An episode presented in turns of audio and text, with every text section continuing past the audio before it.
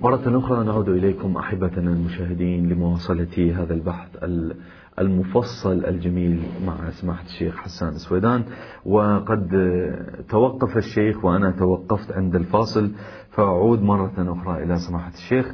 قلت هناك وقفة أو أو هناك نكتة لطيفة في هذه القضية خصوصا بعد أن استعرضنا هذه الرواية الشريفة. وقفنا على هذه العبارة يا ربي اغضب التي قالها رسول الله صلى الله عليه وآله وسلم. تفضل سماحة الشيخ. آه، الحقيقة أنني آه، أردت قبل الفاصل الذي فاجأني آه، أن أنتهي من هذه الرواية إلى درس كبير لي ولجميع الإخوة والأخوات المشاهدين بل لجميع المؤمنين. نحن نستفيد إن شاء الله. لجميع من ينتظر. وعد الله عز وجل وتحقق ميعاد الله.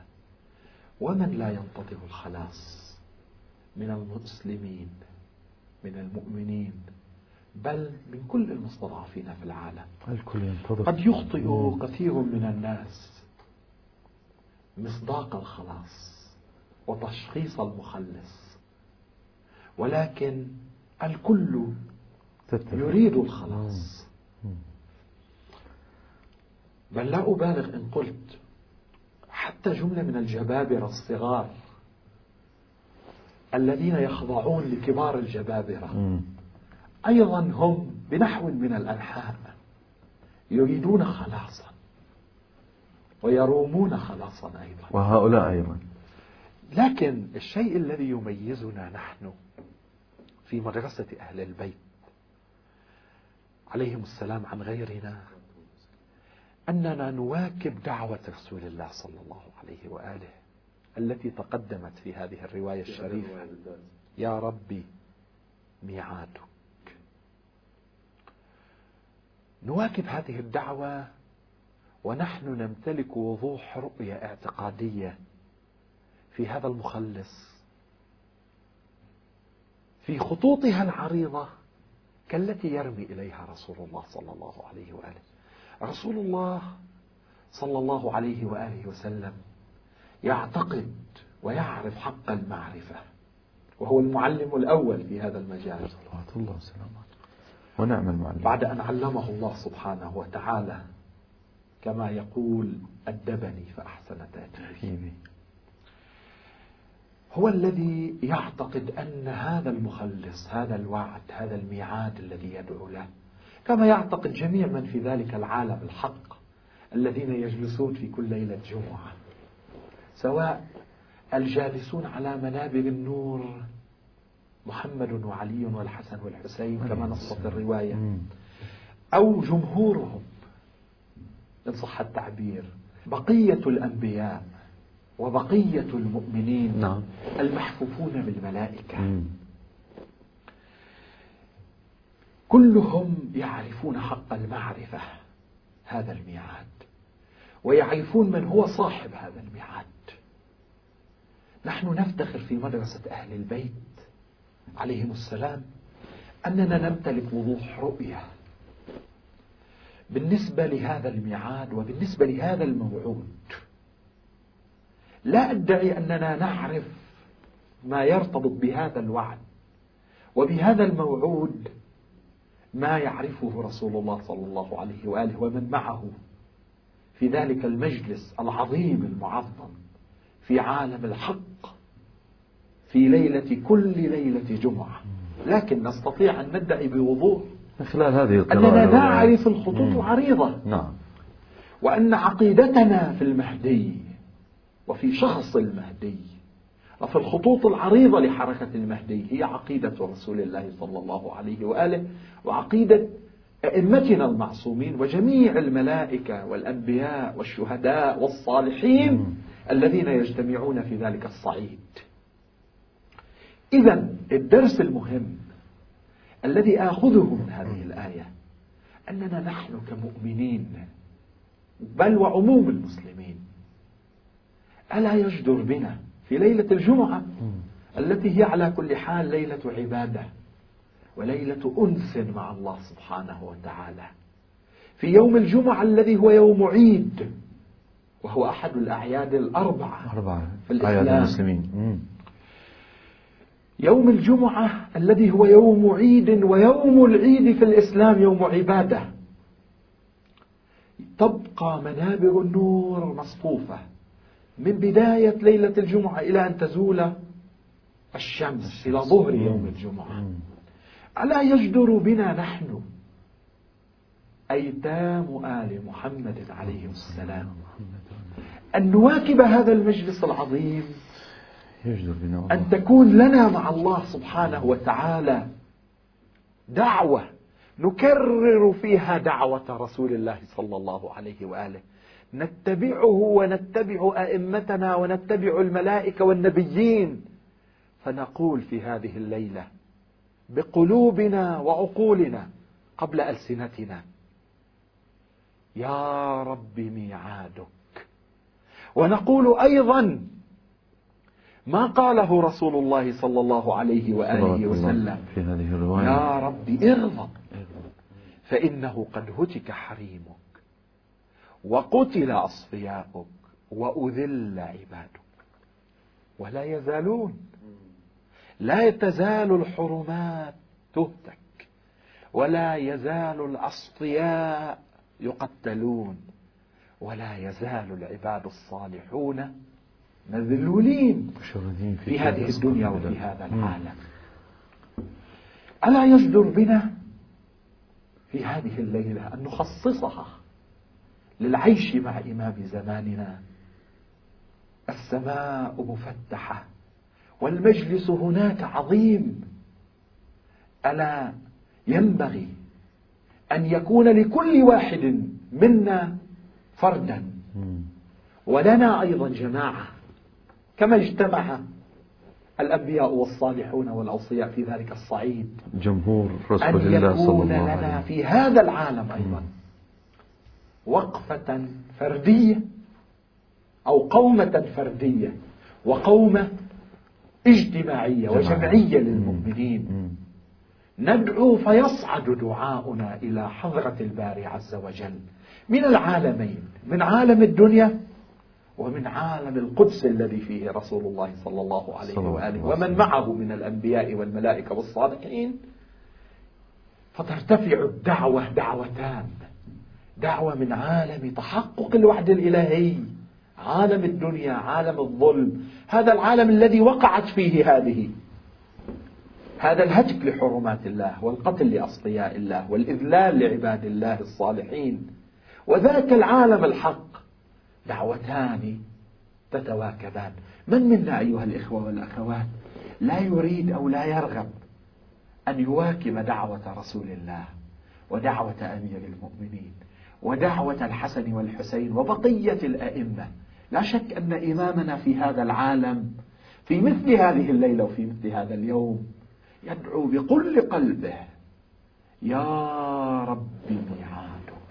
أو كما ينقل عن السيد عن السيد حيدر الحلي رضوان الله رضوان تعالى. الله تعالى عليه عندما أنشأ. قصيدته العينية مم. يستنهض بها الإمام هذا الإمام صلوات, صلوات الله وسلامه عليه والتقاه في الطريق. في صورة الأعرابي ولم يعرفه. نعم نعم نعم. وقال أنشدني قصيدتك العيناء يا سيد حيدر. فأنشد القصيدة وهو لا يلتفت. أشار إليها بالتحديد. فكان أن أجابه عليه السلام ما مضمونه أنني أنتظر وعد الله. هل يشك أحد منا أنه في مثل هذه الليالي ليالي الجمعة إلى زوال إلى ظهر يوم الجمعة؟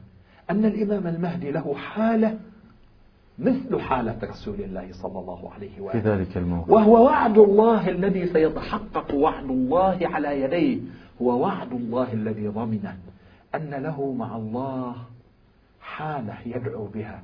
يا رب ميعاد ميعادك ميعادك. أفلا يجدر بنا نحن شيعة الإمام؟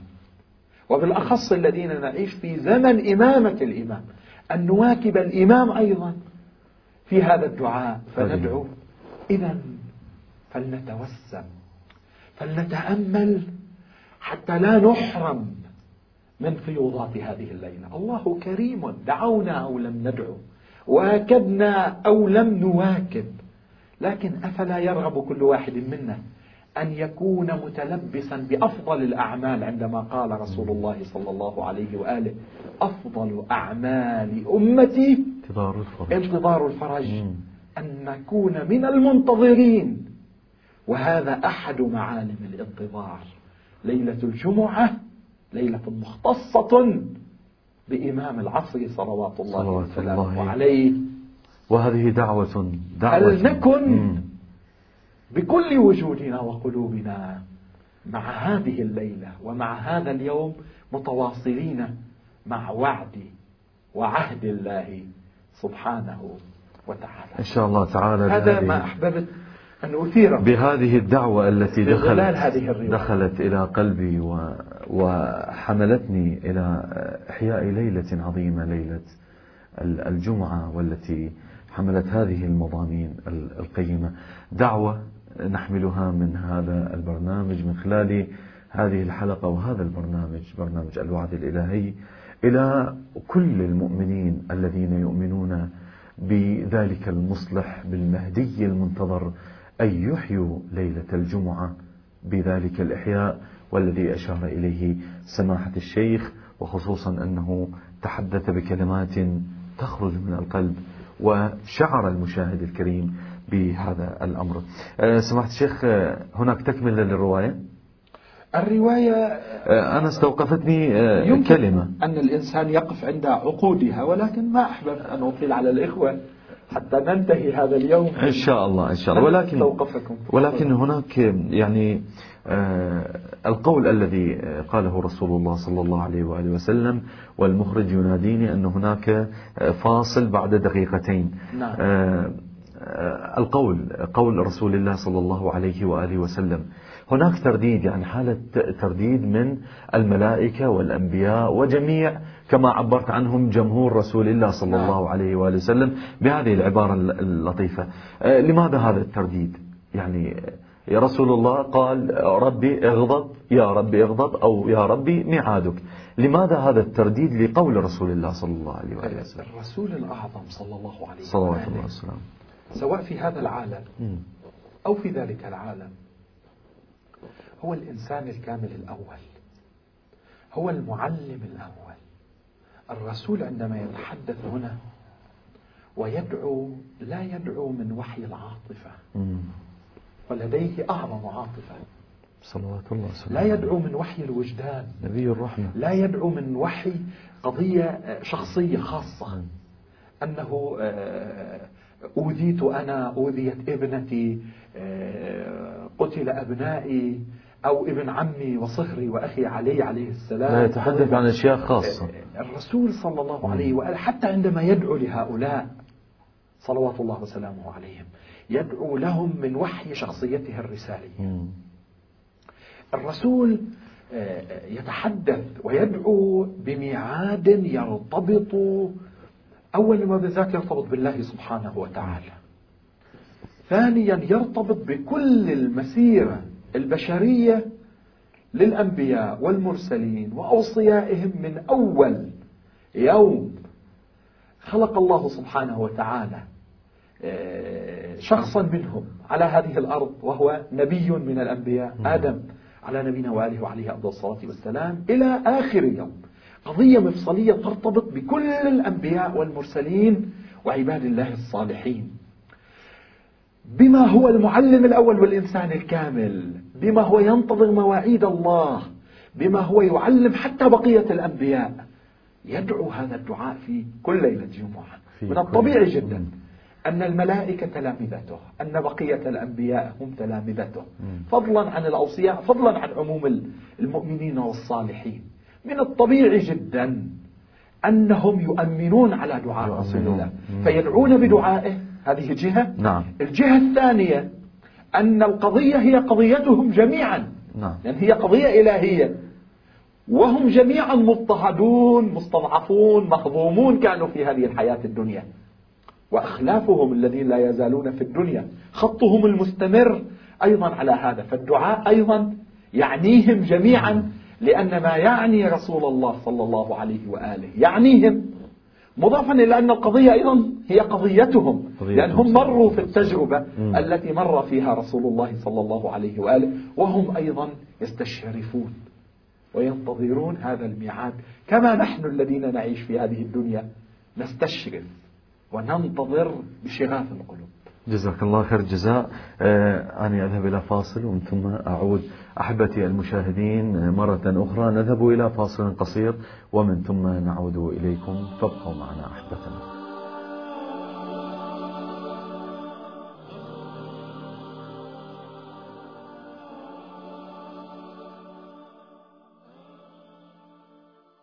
مرحبا بكم مجددا أحبتي المشاهدين وفي هذه الحلقة من برنامجكم الوعد الإلهي وما زلنا نخوض في هذا الحديث الشيق حول قضية حساسة وقضية مهمة جدا آه، تخص حياتنا بشكل عام وحياة الذين سبقونا من أنبياء ومصلحين وهي قضية المهدي المنتظر. آه، سمعت الشيخ ال- دائما ال- الآيات الشريفة التي تأتي في القرآن الكريم عندما تستعرض حالة من ال- الحالات وتأتي هذه الآية في الروايات الشريفة. نعم.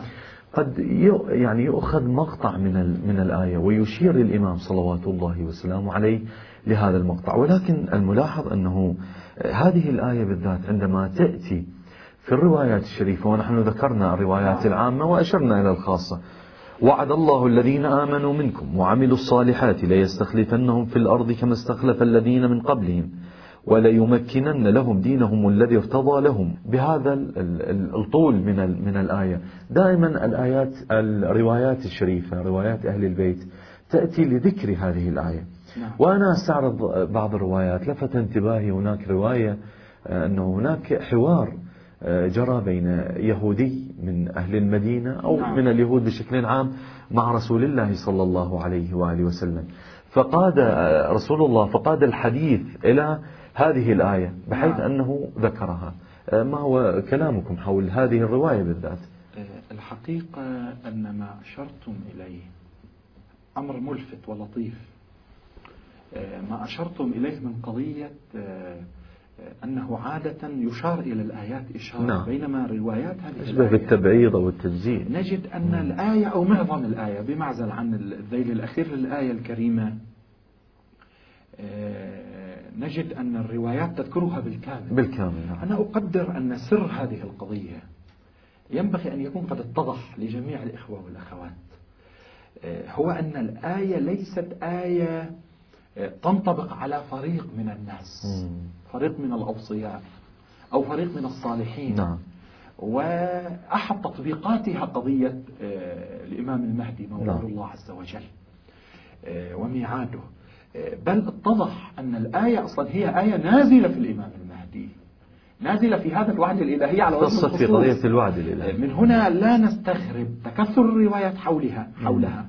ولا نستغرب أيضا التفاصيل التي وردت في بعض الروايات ولا نستغرب تركيز النبي وأهل البيت عليهم السلام حول الآية لأنها آية منحصرة في الحقيقة آه، في المخلص في الإمام المهدي وفي قضية الإمام المهدي صلوات الله صلوات الله وسلامه آه، وسلامه عليه مم.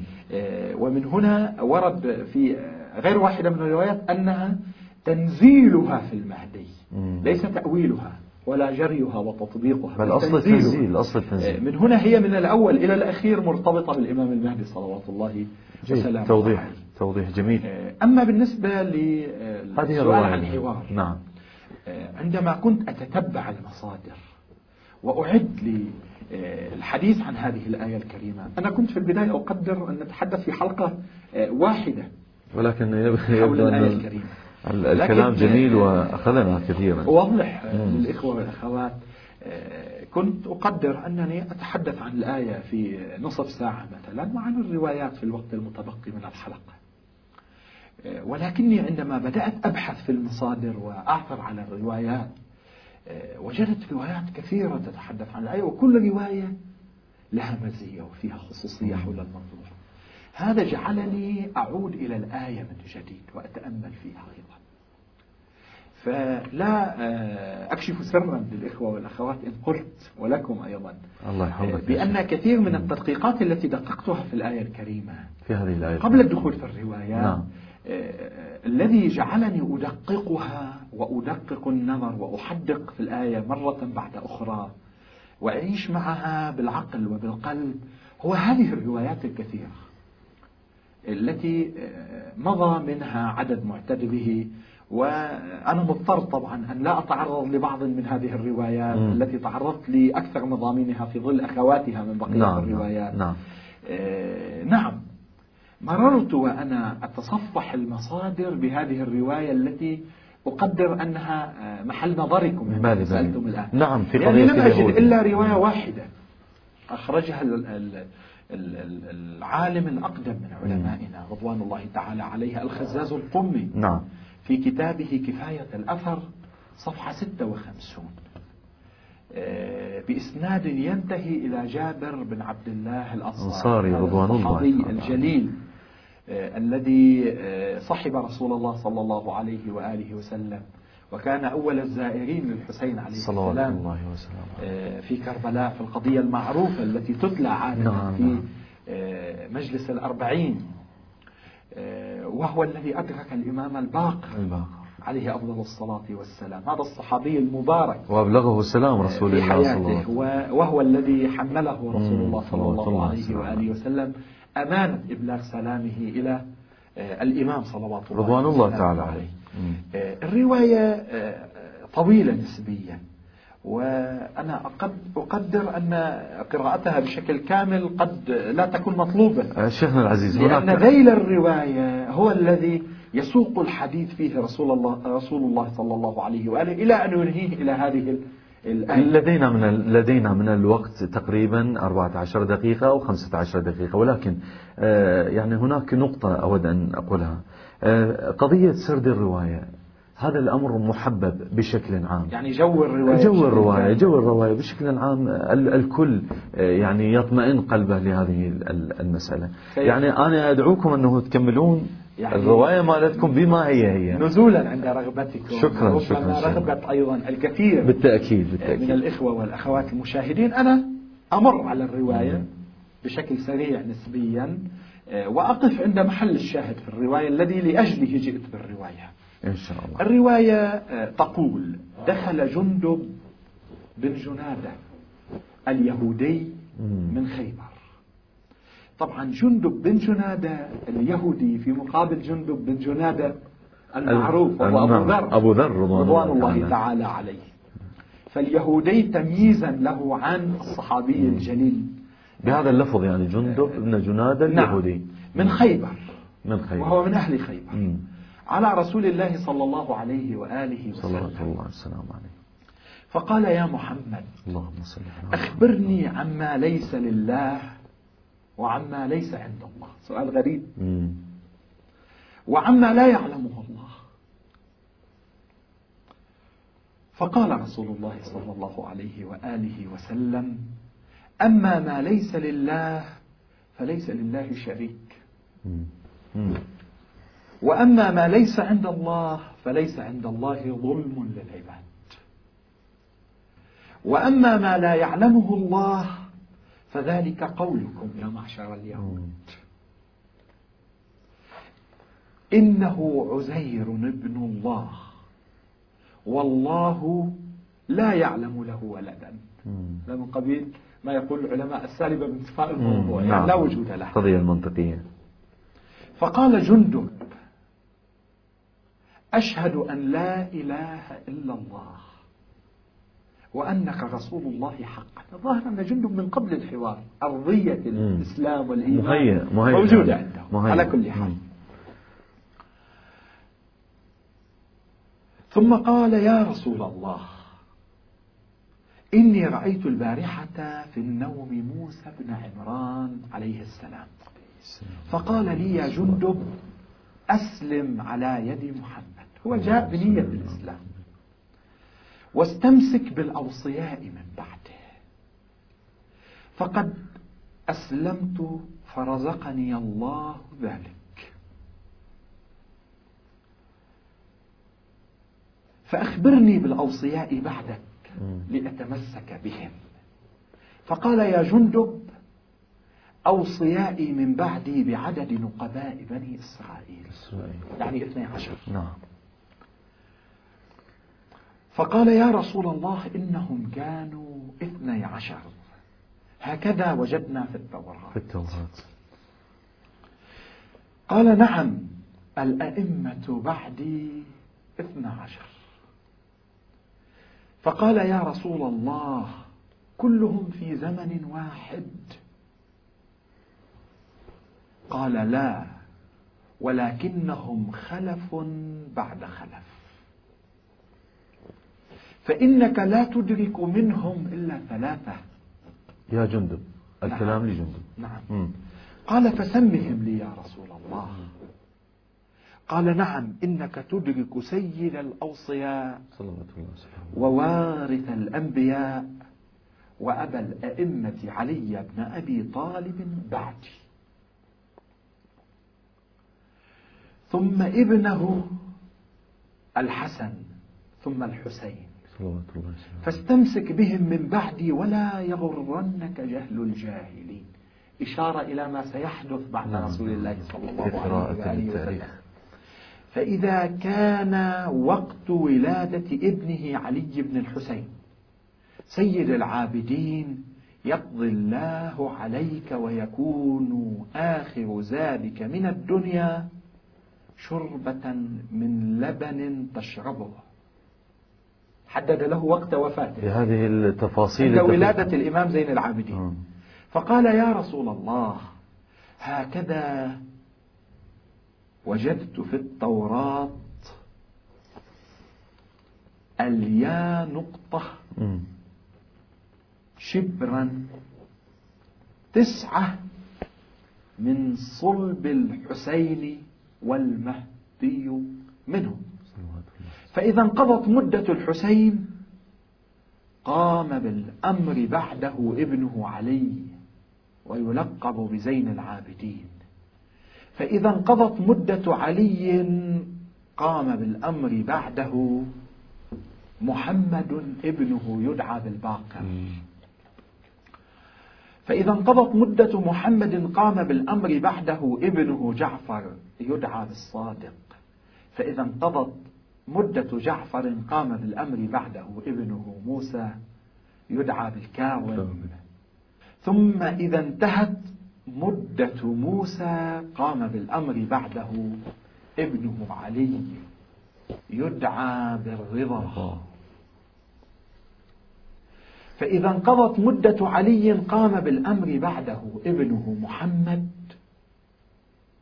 أو محمد ابنه يدعى بالزكي فإذا انقضت مدة محمد قام بالأمر بعده علي ابنه يدعى بالنقي. فإذا انقضت مدة علي قام بالأمر بعده الحسن ابنه يدعى بالأمين. ثم يغيب عنهم إمامهم. لم يسمه هذه المرة نعم. ثم يغيب عنهم إمامهم. هذا كله كلام جندب عن التوراة. التوراة. نعم. قال يا رسول الله هو الحسن يغيب عنهم؟ يعني هذه نقطة غير واضحة في التوراة. قال ثم قام بالأمر بعده الحسن ابنه يدعى بالأمين نعم. ثم ماذا قال؟ ثم يغيب عنهم إمامهم. من هو هذا الذي يغيب؟ ما محدد الحسن نفسه؟ نعم, نعم. أم ابنه؟ لأنه لم يتم النقباء. يبقى واحد يبقى واحد للنقباء. باعتبار إنه 12 لو كنا والنص التوراتي الظاهر لعله أنه نفس الحسن مم. عليه السلام هو الذي يغيب. فهذه أبقت في ذهن جندب اليهودي مم. آه، إشكالية. قال يا رسول الله هو الحسن يغيب عنهم؟ قال لا ولكن ابنه الحجة. قال يا رسول الله فما اسمه؟ قال لا يسمى. حتى يظهره الله. هذه قضية التسمية قضية معروفة نعم مشهورة. نعم نعم. لعلنا في فروع هذا البرنامج إن شاء الله إليها. إن شاء الله إن شاء الله. وأنا سأدونها قال. لا ولكن ابنه الحجة. قال يا رسول الله فما اسمه؟ قال لا يسمى حتى يظهره الله. قال جندب يا رسول الله قد وجدنا ذكرهم في التوراة. وقد بشرنا موسى بن عمران بك وبالأوصياء بعدك من ذريتك. ثم تلا رسول الله صلى الله عليه وآله الآية محل كلامنا. وعد الله الذين آمنوا منكم وعملوا الصالحات ليستخلفنهم في الأرض كما استخلف الذين من قبلهم. وليمكنن لهم دينهم الذي ارتضى لهم. وليبدلنهم من بعد خوفهم أمنا. فقال جندب يا رسول الله فما خوفهم؟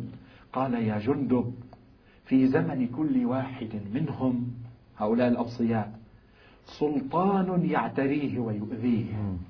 فإذا عجل الله خروج قائمنا يملأ الأرض قسطا وعدلا كما ملئت جورا وظلما.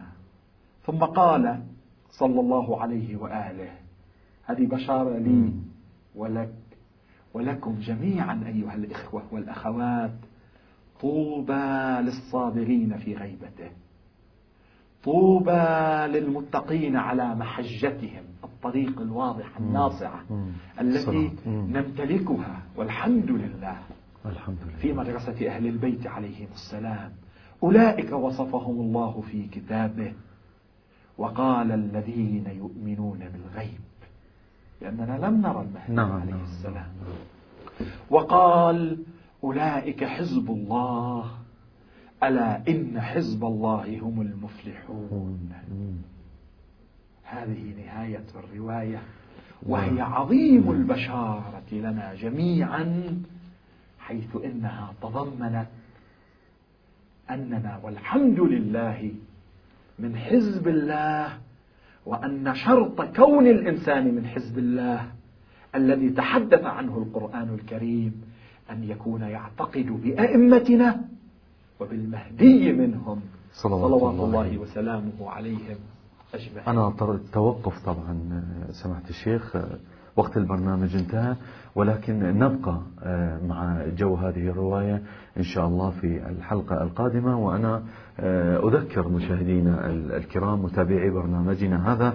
آه، هناك بريد إلكتروني يظهر في أسفل الشاشة. ونحن إن شاء الله بانتظار رسائلكم التي سوف ترد إلينا إن شاء الله. وإذا أحببتم في أي قضية معينة وليكن البريد وليكن مجموعة رسائل تتحدث حول الموضوع الذي نتناوله في الحلقة التي تتقدم. يعني هناك مواصلة يكون في البحث. سماحة الشيخ الشكر الجزيل لكم. وجزاكم الله خير الجزاء على هذه الإيضاحات القيمة والنافعة والمفيدة والتي أشعر أن أني قد ملئت من الحيوية في ظل رواية أهل البيت صلوات الله وسلامه عليهم أجمعين وأيضا مشاهدي الكرام. شكرا جزيلا لكم. آه، أحبتنا المشاهدين آه، سنعود إليكم في حلقة أخرى جديدة من هذا البرنامج برنامج الوعد الإلهي. هذا مقداد الخفاجي يحييكم. نستودعكم الله. والسلام عليكم ورحمة الله وبركاته.